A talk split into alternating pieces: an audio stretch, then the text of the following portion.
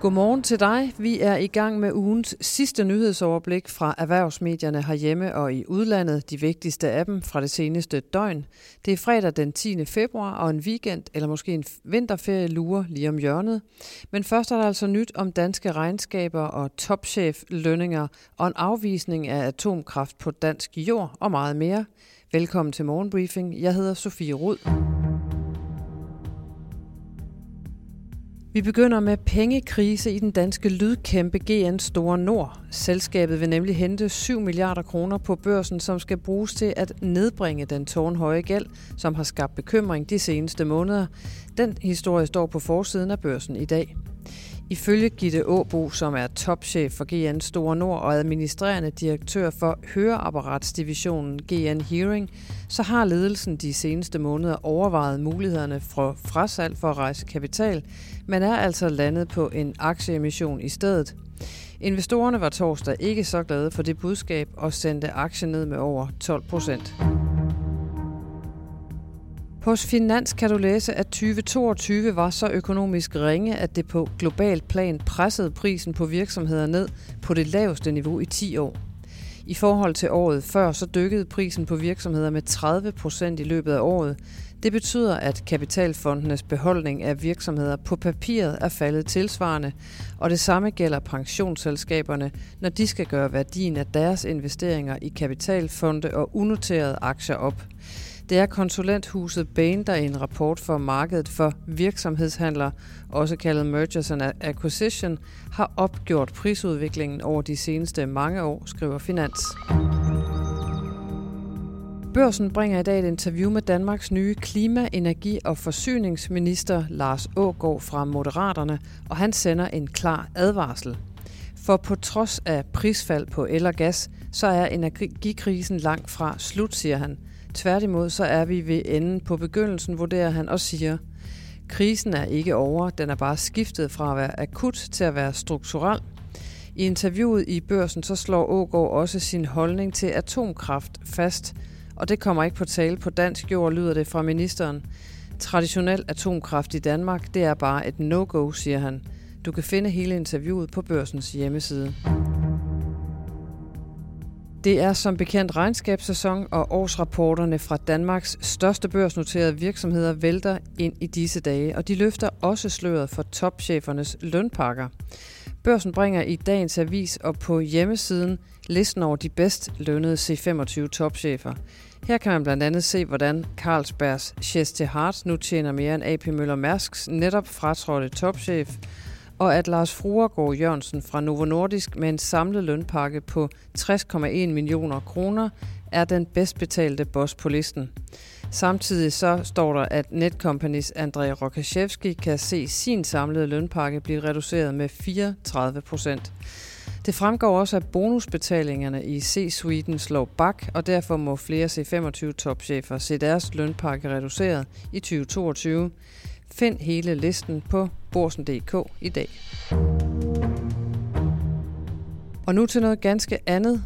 Den påståede kinesiske spionballon, der blev skudt ned over USA forleden, var i stand til at indsamle kommunikationssignaler, og den var en del af det kinesiske militærs samlede forsøg på at indsamle viden fra over 40 lande. Det fastslog det amerikanske udenrigsministerium torsdag ifølge Bloomberg News. Dermed er den nedskudte ballon kun den synlige top af et enormt spionageisbjerg, ifølge amerikanerne. Officielt så strides regeringerne i Beijing og Washington fortsat om, hvorvidt ballonen skulle indsamle værdata, eller om det handler om spionage mod blandt andet USA's atommissiler på en base i staten Montana. I børsen i dag kan du læse en perspektivartikel om hele ballonballaden. Den amerikanske lægemiddelstyrelse FDA vil nu have undersøgt sagen, hvor Novo Nordisk er blevet beskyldt for at betale for et 13 minutter langt indslag i det amerikanske CBS populære tv-program 60 Minutes. Indslaget blev vist 1. januar i år, og her forklarede amerikanske læger, hvordan Novo Nordisks fedmemiddel Wegovy fungerer. Det skriver Bloomberg News. Efterfølgende så kastede sundhedsorganisationen Physicians Committee en række anklager efter den danske medicinalgigant.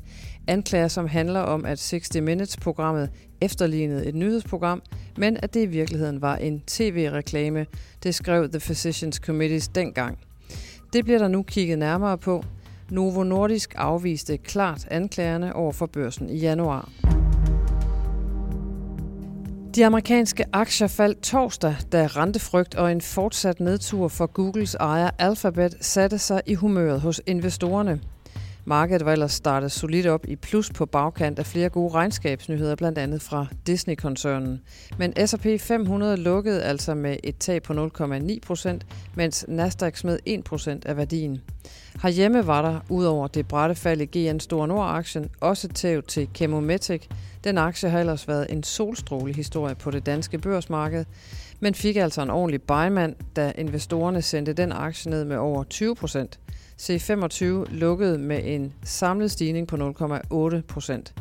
På Borsen.dk Investor kan du finde mere regnskabsstof, blandt andet om Arla, som i 2022 rundede 100 milliarder kroner i omsætning, eller om Pindstrup Mosebro, som har præsteret sit første underskud siden 2005-6, og om et milliardtab til ATP, alt sammen på Borsen.dk Investor. Danske Bank er i gang med at lave en ny strategi. Banken har med sit årsregnskab, der kom i sidste uge, lagt sine svære år og mange møgssager bag sig, håber bankens ledelse. Med en ny formand for bestyrelsen og en ny direktion og en næsten lukket hvidvasksag, så vil Danske Bank nu se fremad. Børsens chefredaktør Niels Lunde og redaktionschef David Bentov ser i dagens udgave af Børsen nærmere på det interne arbejde i Danske Bank. Her fortæller Niels Lunde om, hvilken opgave der er den vigtigste i Danske Banks arbejde med at lave sin nye strategi.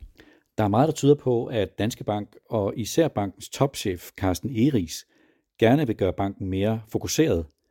Og den tanke, den fører især et sted hen, nemlig til at overveje, om banken skal opgive sin ambition om at have store forretninger i vores nabolande, især i Norge og Sverige. Hvis Danske Bank tager konsekvensen af den tanke, så vil det være naturligt at sige, nu satser vi meget mere på vores forretning her i Danmark, og i resten af Norden, der bruger vi kun kræfterne på de store virksomhedskunder. Det vil være en svær beslutning, men det er absolut en mulig beslutning. Danske Bank tjener mindre end bankens konkurrenter, de andre nordiske storbanker, og det presser aktiekursen. Jeg spurgte Niels Lunde, hvorfor det er så vigtigt for Danske Banks nye strategi, at den får løftet kursen i Danske Bank-aktien. Når Danske Bank har et problem med sin lave aktiekurs, så er det fordi, den åbner for, at en stor udenlandsbank kommer med et bud på at købe Danske Bank. Og hvis det sker, så er det ikke sikkert, at de to store aktionærer, det er AP Møller Holding og ATP, at de vil være stærke nok til at forhindre en overtagelse af banken. Så derfor så er det mest effektive værn imod, at nogen forsøger at overtage Danske Bank, det er at hæve prisen, det vil sige at få aktiekursen op. Og det kan kun lade sig gøre, hvis den nye strategi overbevise aktionærerne om, at de skal blive ved med at investere i Danske Bank. Den nye strategi for Danske Bank skal være færdig inden sommer, og du kan læse Lunde og Bentovs artikel i dag i børsen. Ugens sidste morgenbriefing er slut nu. Tak fordi du lyttede med. Vi holder en lille vinterferiepause i næste uge og er derfor tilbage på mandag om en uge. Så indtil vi høres ved, så må du have en god fredag og en god weekend, og måske også en god vinterferie.